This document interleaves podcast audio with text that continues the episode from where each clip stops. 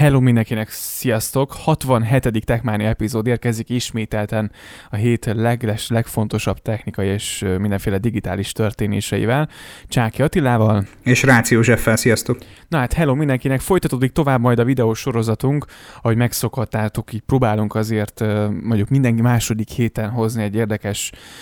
hírt, amit így, vagy egy ilyen találmányt, amit jobban kibontunk a közösségi feleteinken, a Facebookon, illetve hát ugye a YouTube csatornánkon is követhető élőben. A jövő héten majd az AIT Smart Deskesekkel fogunk beszélgetni, akik ugye egy nagyon szuper kis, hát ugye nevükben is benne van, okos asztalt találtak ki, és hogy pontosan mit tud, honnan jött az ötlet, mindent majd, majd megtudhatunk tőlük, tehát a jövő heti élő videó interjúmban, tehát a Facebookon, valamint a YouTube-on. Úgyhogy érdemes bennünket követni az összes közösségi felületünkön, ott fogunk hírt adni arról, hogy mely nap, mely időszakában látható majd az élő közvetítés a Attila által említett csatornákon. Igen, na pedig most csapjunk bele a hét legfontosabb történéseibe, amik a digitális térben történtek. Nem mehetünk el szó nélkül, amellett a hír mellett, hogy már beszámoltunk korábban egy jó pár epizóddal ezelőtt egy nagyobb csalásról, mikor uh, szintén egy, egy uh, hát házvásárlásban gondolkodó családot, vagy, vagy nem is tudom már ott pontosan ki volt, a, vagy egy fiatal pár, akitől viszonylag komoly pénzeket nyúltak le, és most ismételten lecsaptak a csalók, 51 milliót loptak el a csalók egy budapesti családtól. Ez brutális. Ugye konkrétan több helyen olvasható volt ez a hír, hogy egy élet megtakarítását 51 millió forintot zsebeltek be a csalók, ez egyszerűen brutális. Tehát, hogy ö, olyan szélhámosság áldozatává ö, váltak a jó hiszemű ingatlanvásárlók, amelyet szerintem senki nem kíván saját magának, még az ellenségének se nagyon és mindemellett az fontos megemlíteni, hogy, hogy egy ilyesfajta, hát nevezhetjük tragédiának, rengeteg ember életét megváltoztatja, akár az életét is derékba törheti olyan tekintetben, hogy, hogy, hogy ezért gülcört egy éveten, életen át, és, és 51 ezer, 51 ezer, 51 millió forint füsté vált. Igen, de pontosan mi történt? Ugye a házaspár a fiúknak keresett egy eladó lakás Budapest belvárosában, most teljesen mindegy, hogy pontosan hol, de hogy találtak egyet 30 millió forintért kínáltak egy 88 négyzetméteres felújított lakást, mert már túlságosan is kedvezőnek tűnt ahhoz, hogy igaz legyen a család, mégis felvette a kapcsolatot a hirdetővel. Az ingatlan tulajdonos testvéreként bemutatkozó férfi megnyerő stílusban adta elő, hogy külföldön élő fivérek nincsenek, nincsenek már szüksége, vagy nincs már szüksége a lakásra, ezért adják el férfi a koronavírus járvány miatt hozott korlátozások okán húsvét előtt érkezik haza autóval Angliából, és akkor tudja megmutatni a lakást, addig is e-mailben küldi tovább a fotókat a lakásról. A fotók meg is érkeztek egyébként. A levél egy számokra ismeretlen programot is tartalmazott, amire óvatlanul rákattintottak, és egyszerűen ez egy fontos pont lesz majd, amire mindjárt visszatérünk az a Enides nevű szoftver volt, melynek segítségével távolról közvetlenül fértek hozzá a csalók a házaspár számítógépének teljes tartalmához, köztük a gépen tárolt céges iratokhoz, emellett a felhasználó neveket és jelszavakat is megszerezték. A megszerzett céges aláírás egy címpéldányjal egyszerűen besétáltak az egyik távközlési szolgáltatónak az üzletébe, ahol a családi vállalkozás nevére igényeltek ugye három új telefonkártyát, ugye, illetve pontosabban valószínűleg itt egy szimcsere történt a cikk, tehát egy picit pontatlanul fogalmaz, és ugye kérték, hogy mivel új telefont vásároltak, ugye kisebb méretű szimkártyákra lenne szükségük. Uh, nyilván tudták magukat igazolni a papírokkal, amit ugye megszereztek, ugye meg is kapták ezeket a szimkártyákat, úgyhogy uh, a húsvét uh, után a házaspár tagjai munkába álltak, beléptek a netbank, netbankba, és ekkor rémálom közepébe csöppentek, eltűnt a számlájukról az összes pénz, összesen 51 millió forintot utaltak át róla hat részletben számokra ismeretlenekhez tartozó bankszámlára, úgyhogy itt tűnt el, így lett ugye a, a 30 milliós lakásból 51 millió, és még lakás sincs sajnos, vagy nem lett lakás. Én közben, ahogy néztem, illetve utána jártam, a, a bank egyébként megtérítette teljes mértékben a,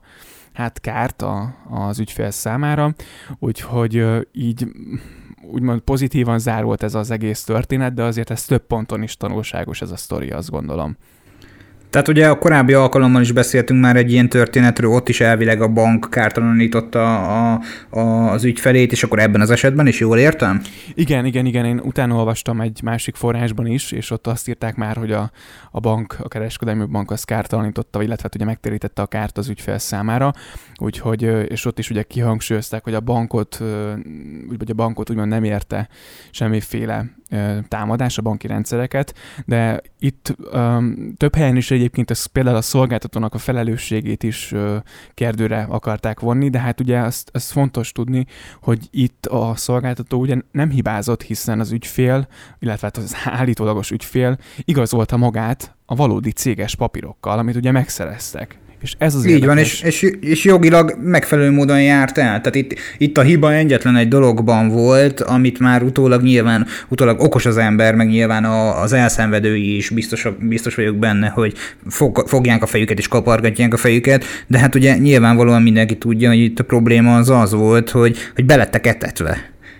megkapták azt, a, azt az e-mailt, elfogadták az alkalmazás felhasználási feltételeit, megosztották tovább a képernyőt, adatokat, és innentől kezdve minden egyes információt elnyeltek tőlük. Igen, tehát most az, hogy egyébként az NIDS kell, vagy ez persze nyilván nem, tehát hogy aki benne van a számítástechnikában, vagy az IT-ban is használja ezeket a programokat, nyilván azonnal lejön, hogy mit keres egy kép mellékleteként egy NIDS nevű program, amit tudjuk, hogy mire való egy távvezélő rendszer, de az nekem picit fura, hogy, hogy vagy nem tudom, így hirtelen próbálom ö, átpörgetni magam előtt a történéseket, hogy mondjuk elindul, hogy az Zenideszket alapvetően nem is kell telepíteni a gépre, elég csak futtatni. Elindul, de de az adatok mondjuk hogy mennek vissza? Mondjuk egyébként meg lehet úgy írni, gondolom, hogy, hogy, a, hogy meg, valahogy megszerezze a küldőfél a, a hozzáférésű adatokat, meg általában már a program, program azért kéri azt is, hogy, hogy a futtatáshoz is engedélyt akar, vagy ugye kéri az engedélyt, tehát hogy azért több ponton érdekes kérdések merülnek fel, hogy hogy sikerült ezt így elindítani, hogy jutott el a küldőhöz a, a belépéshez szükséges adatok, de én azt is el tudom képzelni, hogy nem egy Anydesk-et kapott, hanem tényleg valamilyen képprogramot küldtek el, csak mondjuk az Anydesk-re lett fogva az egész, hogy érthetőbb legyen a sztori. Nekem még ez is így felmerült. Hát én meg úgy gondolom, hogy egyszerűen csak azt az alkalmazást, egy Anydesk alapú ö, automatikusan emelt jogosultsága futtatott alkalmazásról van szó, lehet, hogy felugrott ott, hogy engedélyezi, persze, tak, és akkor viszont hallásra innentől kezdve, lehet, hogy nem is futott tovább, tehát lehet, hogy csak a háttérben futott. Ez is benne van. Én azt gondolom, hogy több ponton tanulságos a sztori, ebből nagyon sokat lehet tanulni. Első szerintem a legfontosabb, ugye drága hallgatónk, hogy soha nem nyitunk meg ismeretlen mellékleteket, illetve annak ugye mellékleteit, ha mondjuk kapunk több mellékletet, és valamelyik ismeretlen, akkor és gyanús kiterjesztése van neki, és általában már azért a mai vírusírtók, meg a mai különböző ö, ö, levelező kliensek, programok már felhívják arra a figyelmet, hogy veszélyes lehet az a melléklet, akkor már kezeljük óvatosan, friss fenntartásokkal, ez az egyik. A másik talán, ami ebből a legfontosabb, hogy a különböző céges dokumentumokat, iratokat legyen szó, vagy bármilyen banki adatot, egyrészt, hogy használjunk akár több faktoros azonosítást, tehát itt ugye a másodszintű azonosítás a legfontosabb. Kettő pedig az, hogy ezeket a dokumentumokat valami olyan helyen tároljuk a gépen, ha lehet, akkor én még azt mondanám, hogy egy felhőben, de a felhőben is olyan módon, hogy vannak már mondjuk a OneDrive-nak is egy külön széfja a felhőn belül, ahova külön jelszóval lehet belépni, tehát hogy több szinten ö, több szinten kell ugye átjutni, hogy ezek a dokumentumok, dokumentumok megszerezhetőek legyenek, tehát hogy minél nagyobb, vagy minél több biztonságot, vagy ilyen biztonsági lépést iktassunk be, mire egy fájt el lehet érni, hogyha fontos fájlokról van szó, ez szerintem nagyon fontos. Biztos vagyok benne, hogy a körültekintő hozzáállással és egy picit mélyebb rálátással nem kerültek volna ebbe a hibába, de hát nyilvánvalóan utólag könnyű okosnak lenni, hogy ezt az előbb is elmondtam. Mindenki figyeljen oda és figyeljen arra, hogy mire kattint, kinek adja meg az adatait, és milyen módon adja meg az adatait. Igen, ha pedig valaki, valamiben nem vagytok biztosak, akkor inkább kérdezzetek, vagy kérdezz olyat, aki esetleg hozzáértő, nekünk is nyugodtan lehet írni, nagyon szívesen válaszolunk és adunk tanácsot egyébként a hasonló felmerülő kérdésekben, úgyhogy nyilván felelősséget nem vállalunk semmiért, de nagyon szívesen adunk tanácsot, hogyha esetleg felmerülne bármiféle biztonsági incidenssel kapcsolatos kérdés, felvetés, vagy esetleg csak szeretné hozzászólni az előbb elhangzottakhoz, akkor nyugodtan ír nekünk, válaszolunk rá, és mindenféleképpen beiktatjuk majd itt az adásba is, hogy próbáljuk ezeket minél többször figyelni és beolvasni természetesen. Így van, és hát akkor evezünk egy kicsit vidámabb témára. Többször-többször felrepent már az a plegyka, hogy érkeznek az ARMS mekkek. Ö, most már az a folyosói plegyka jön az Apple házatájáról, legalábbis egy céghez közeli forrás azt állítja, hogy még ebben a hónapban megérkezhetnek az ARMS mekek, tehát elvileg a június hónap az hatalmas nagy doppergéssel lesz teli olyan tekintetben, hogy ARMS gépet fog ö, az online shopjaiba elhelyezni az Apple. Azért az áram alapvetően ugye ö, nem te feltétlenül ugye ismeretlen az, az Apple-nek az életében, de az biztos, hogy az asztali gépekben is, a notebookjaiban is ugye ezek az ARM, tehát az ARMS lapkákra cseréli majd az Interről a procikat, és ha minden igaz, akkor ezt a VVDC-n, a VVDC-ről fogunk még hamarosan majd beszélni, ekkor jelenti be majd a, a a vállalat, hogy megérkeznek ezek a gépek, amelyek már az új árem alapú lapkákkal fognak menni. Hát nem tudom, hogy ennek mi a legfőbb oka ennek a váltásnak egyébként, tehát így gondolatok arra, hogy nyilván ugye mivel saját fejlesztésű lapkákról van szó, ezért jobban tudják esetleg összehangolni a hardvert és a szoftvert, de hát az is tök jól megy eddig, vagy egyszerűen csak pénzügyi okai vannak neki, és így, hogy saját fejlesztésű, nem kell egy külső gyártót finanszírozni. Még erre is tudok gondolni, hogy ez lehet egy egy lehetséges ok. Meg hát azért valljuk meg őszintén, hogy az ARM platform tulajdonképpen mennyire jól bevált a mobiljaiban és a táblagépeiben is. Tehát, hogy azért a flagship eszközeiben található processzorok rengeteg számítógépet számítási teljesítményben, jelenleg piacon lévő számítógépet számítási teljesítményben már most lenyomnak, és csak mobilról és tabletről beszélünk hogyha ezt esetleg még tovább csiszolják, és mondjuk egy felhasználói környezetre test, testre szabják, vagy arra hegyezik ki, beszélhetünk egy A25-ös csípről, most mondtam valamit, vagy legyen A21, mert hogy nagy valószínűséggel egyébként 2021-ben ö, fognak debutálni a mekekben a, a, az online felületen. Ö, ha, ha az A21-es processzorról beszélünk, lehet, hogy sokkal jobb lesz a számítási teljesítménye, mint az új generációs i9-esnek. Igen, és az Apple is ezzel indokolja egyébként a váltást, hogy miért lesz ez jó nekünk. Állítólag már az Apple ugye házon belül lesz jó ideje teszteli, és az áram, ment az árames megeket, amelyeknek a teljesítménye több területen is komoly elő, előrelépés mutatott az inteles elődökhöz képest, itt beleértve a grafikus teljesítményt, illetve a különböző AI munkafolyamatokat is, úgyhogy, és hát az akkumulátorüzemidőről nem is beszélve, jellemzően alacsonyabb fogyasztással ö, tudják így működtetni a gépeket, úgyhogy hát azért jó pár fronton jöhet javulás, hogyha ezek nem csak üres marketing dumák lesznek mondjuk, hanem tényleg ez beválik a, a Mac-en is. Nyilván, hogy mondtad, ugye az iPhone-okba és az iPad-ekbe ez már azért eléggé, azt gondolom, letette a, a, letette az asztalra a névjegykártyáját, mert az RMS procik valóban tök jól mennek egyébként, és mondjuk én egy korábbi, egy 2017-es iPad-et nyúzok, ugye az iPad 5-ös volt, amiben ugye az iPhone 7-nek a chipje van benne, és azt mondom, hogy arra, amire én használom, tehát javarészt mondjuk podcasteket hallgatok, netezek, tökéletesen jól működik, és sose fagyott még le egyébként az iPad, és abban is ugye, azt nem is tudom, melyik proci van, még mondom az iPhone 7-nek a belsője van benne, és tök jól működik így, hogy már lassan három éves az egész. Így van, meg hát fontos megjegyezni azt, hogy a teljes értékű ARM technológiára való váltással biztos vagyok benne, hogy az átjárhatóság és az operációs rendszer minden eszközre való megírása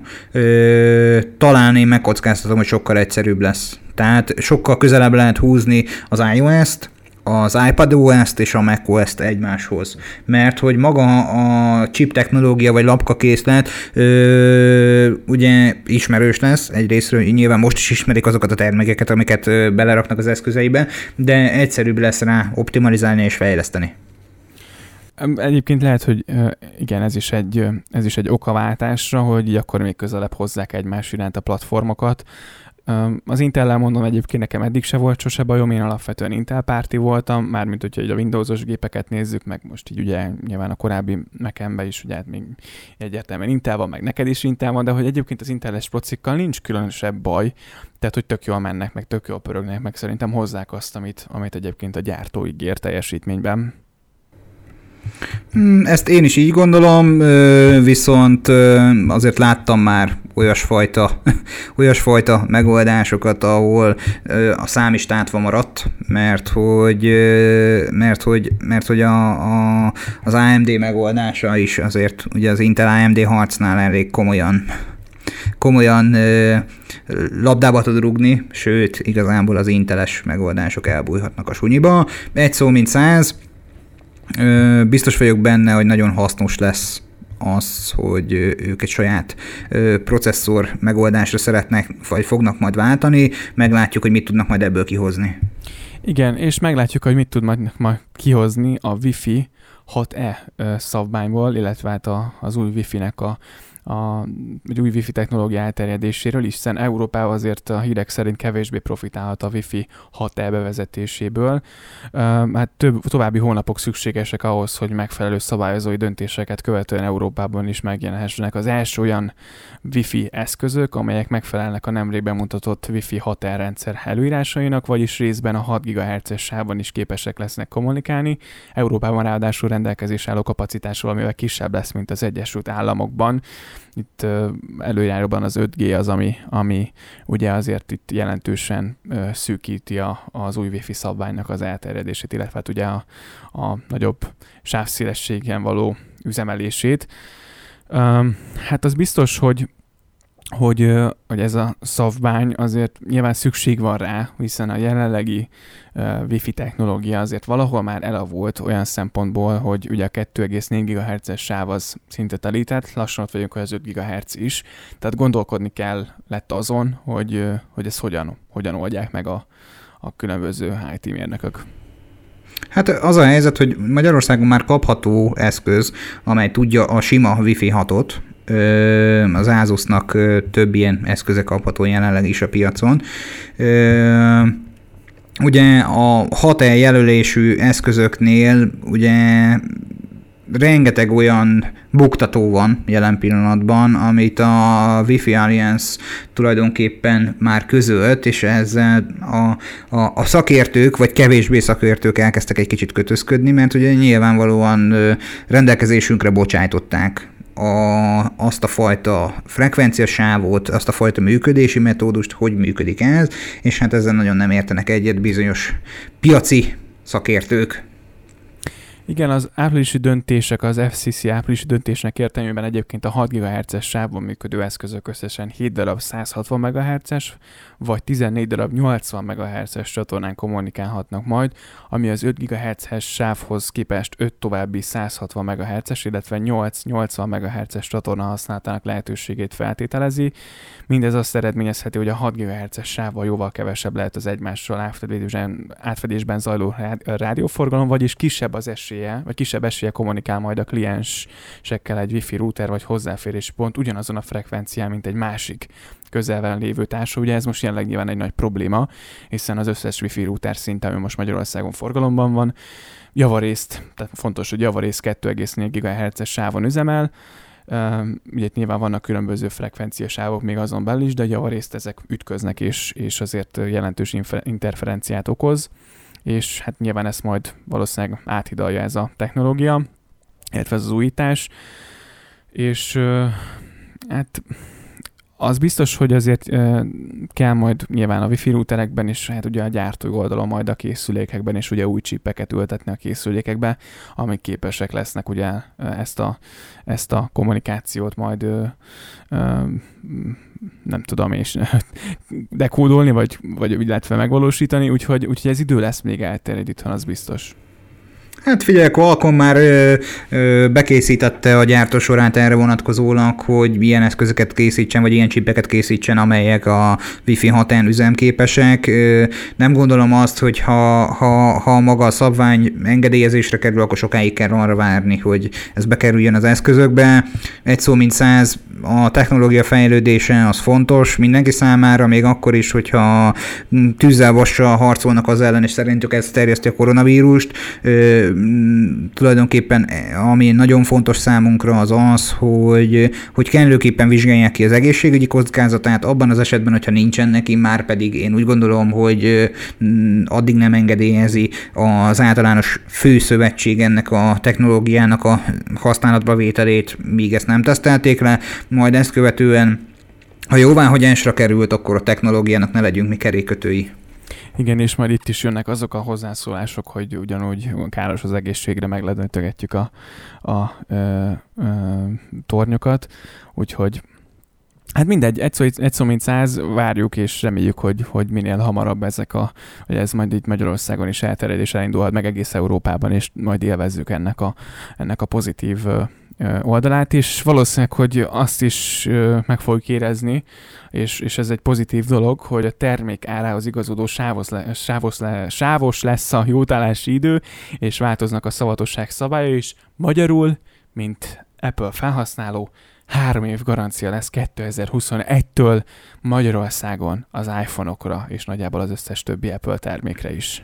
nagyjából. És hát ugye ezt a, ezt a szavatosság és jótállás szabályait jövőre ö, szeretnék bevezetni, ugye beszéltél most az imént arról, hogy sávos lesz ez a történet. Ugye Palkovics László innovációs és technológiai miniszter szerdán egy sajtótájékoztatón jelentette ezt be Budapesten. Ö, ugye itt a miniszter kiemelte, hogy a kihirdetés előtt álló kormány, illetve miniszteri rendelet alapján ö, ugye az egy, két és három éves jótállási időtartamokat vezetnek be. A 10 és 100 ezer forint értékű termékek kötelező jóválá, jó, jótállása az egy év marad,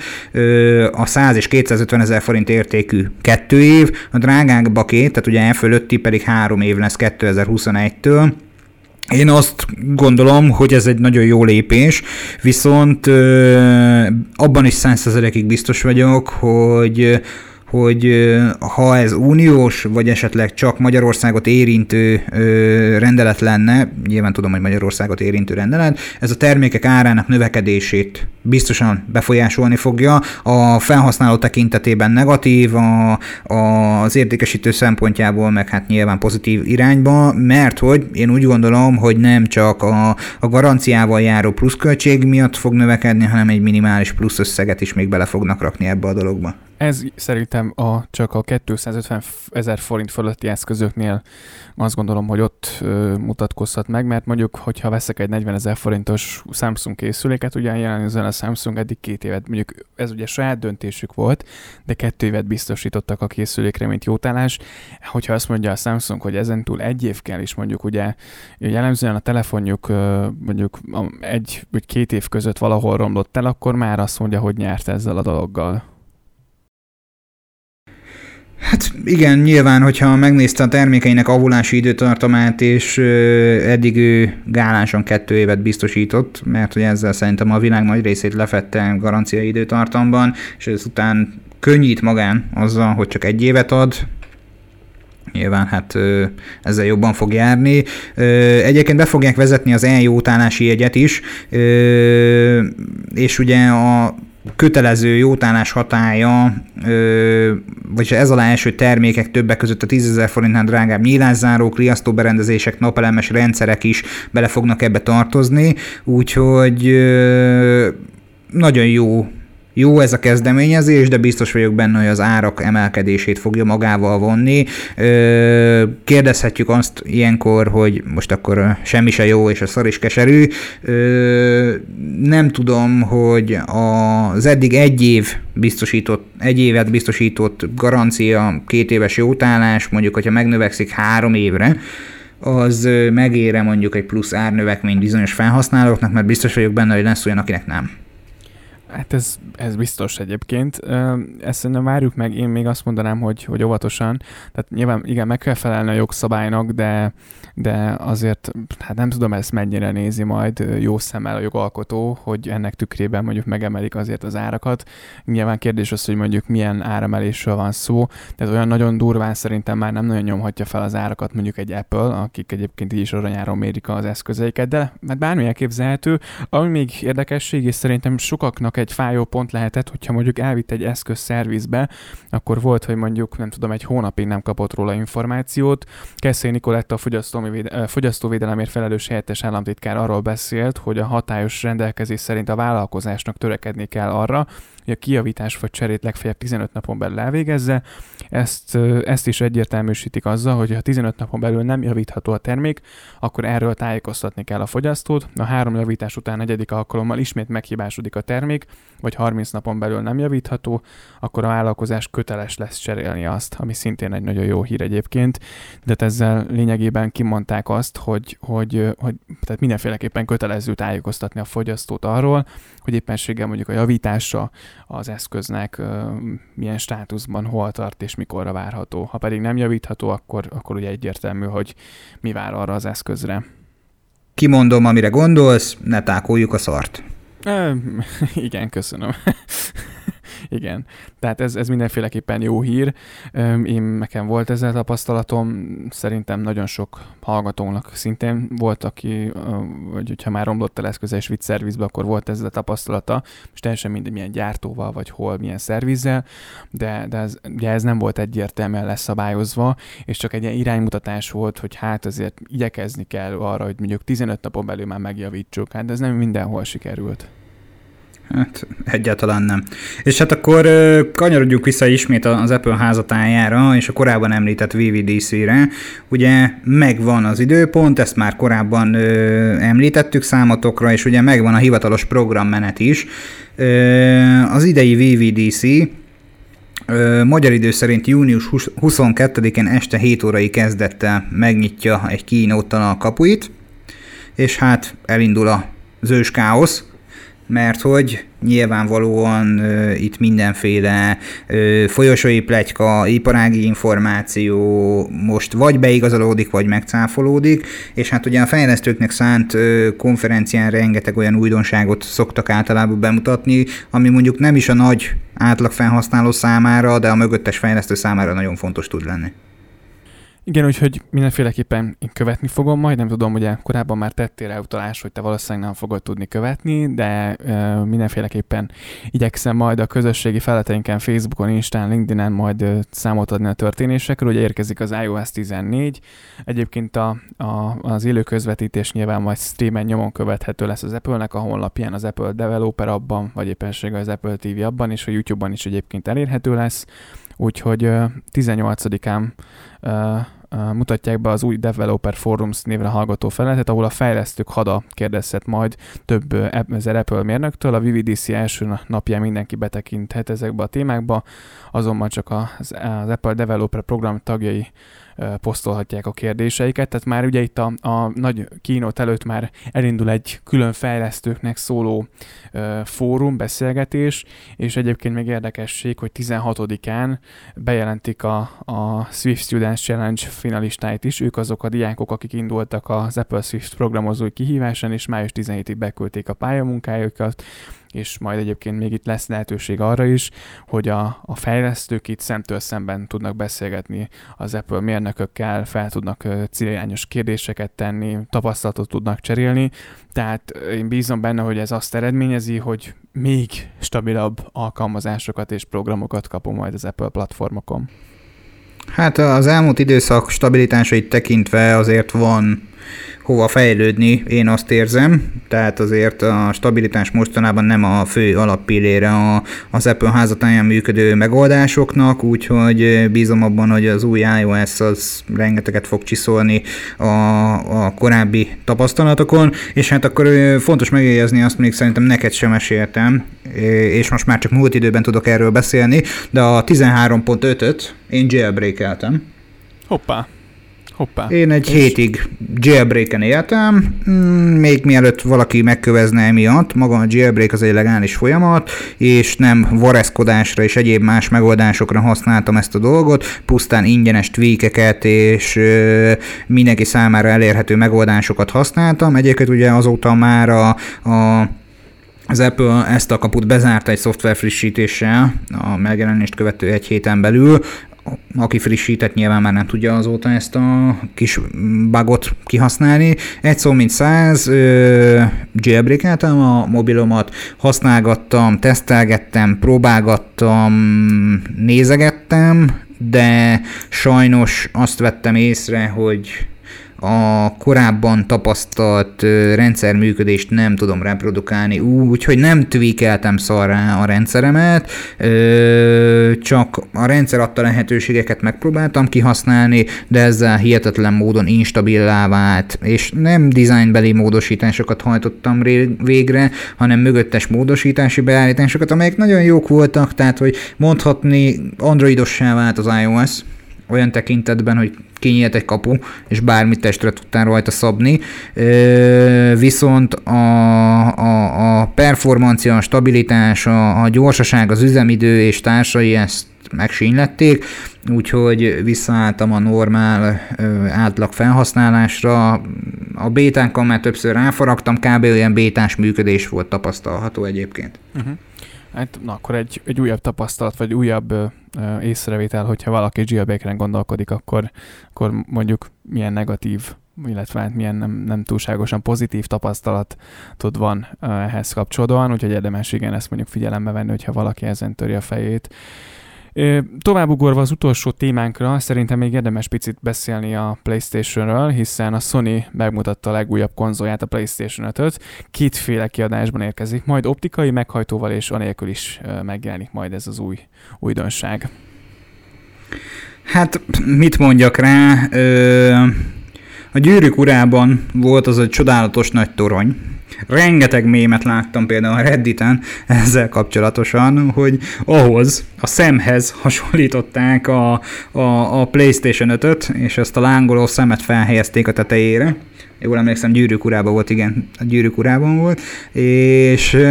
hát maga az eszköz érdekes formavilággal mutatkozott be, és fontos azt megjegyezni, hogy az átlag felhasználó számára én nem tudom, hogy az új Xbox és az új Playstation milyen polcon fog elférni, vagy esetleg a polc tetejére kell rakni, mert hogy azért észrevehetően magasok ezek az eszközök.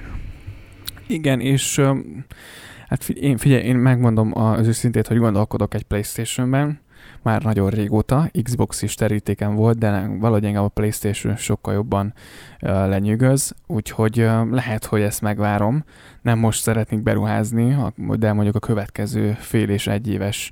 tervben ez benne van. Uh, egyébként önmagában, dizájnban hát barom jól néz ki, meg jól összerakták. Hmm, ízlés kérdése. Az optikai meghajtó nélküli még azt mondom, hogy talán jól néz ki az optikai meghajtós, hát ez valami borzalom. Hmm, de mondjuk minek, kinek kell már optikai meghajtó manapság? Minden a felhőben. Hát azért, azért valljuk meg őszintén, hogy, hogy az Xbox esetén is voltak, akik nagyon csúnyán ráfaragtak arra, hogy nem megfelelő mennyiségű tárhelyel vásárolták meg a, az optikai meghajtó nélküli eszközüket, és mondjuk nem nagyon fértek el rajta, mert hogy a játékot ugye online letöltötte, és nem a megfelelő módon tudta használni, mert hogy hát sakkoznia kellett, hogy milyen játék maradjon fent, de ez csak egy ilyen félfüllel hallott személyes tapasztalat. Mm, szó, ami szó,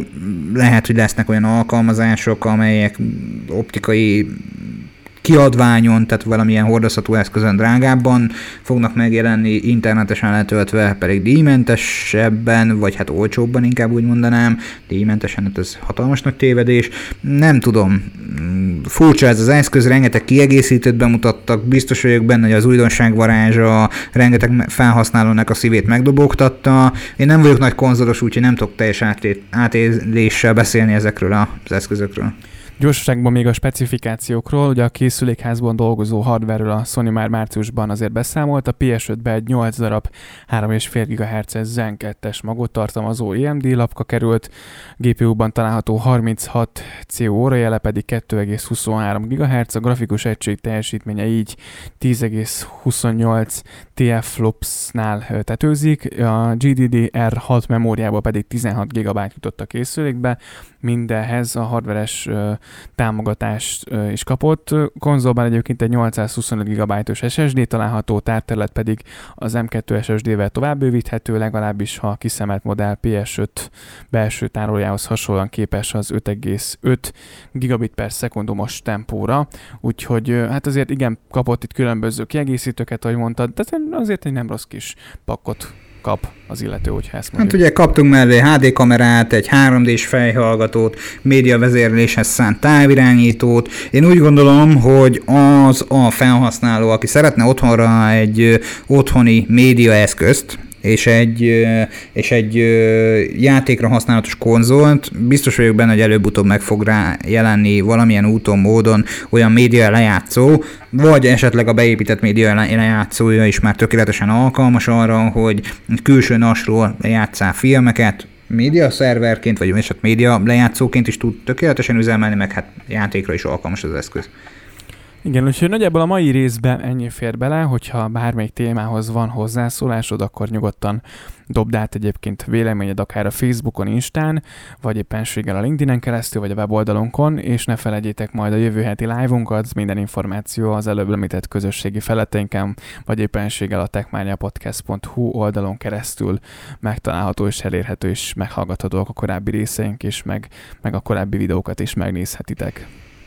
Úgyhogy a héten még találkozunk személyesen, jövő héten pedig ismételten elhozzuk a hét legfontosabb híreit. Addig is minden jót, meg kellemes nyarat, esőmentes, viharmentes időjárást kívánok nektek. Jó hétvégét, jó hetet, szép napot, sziasztok! Hello, hello, minden jót, sziasztok!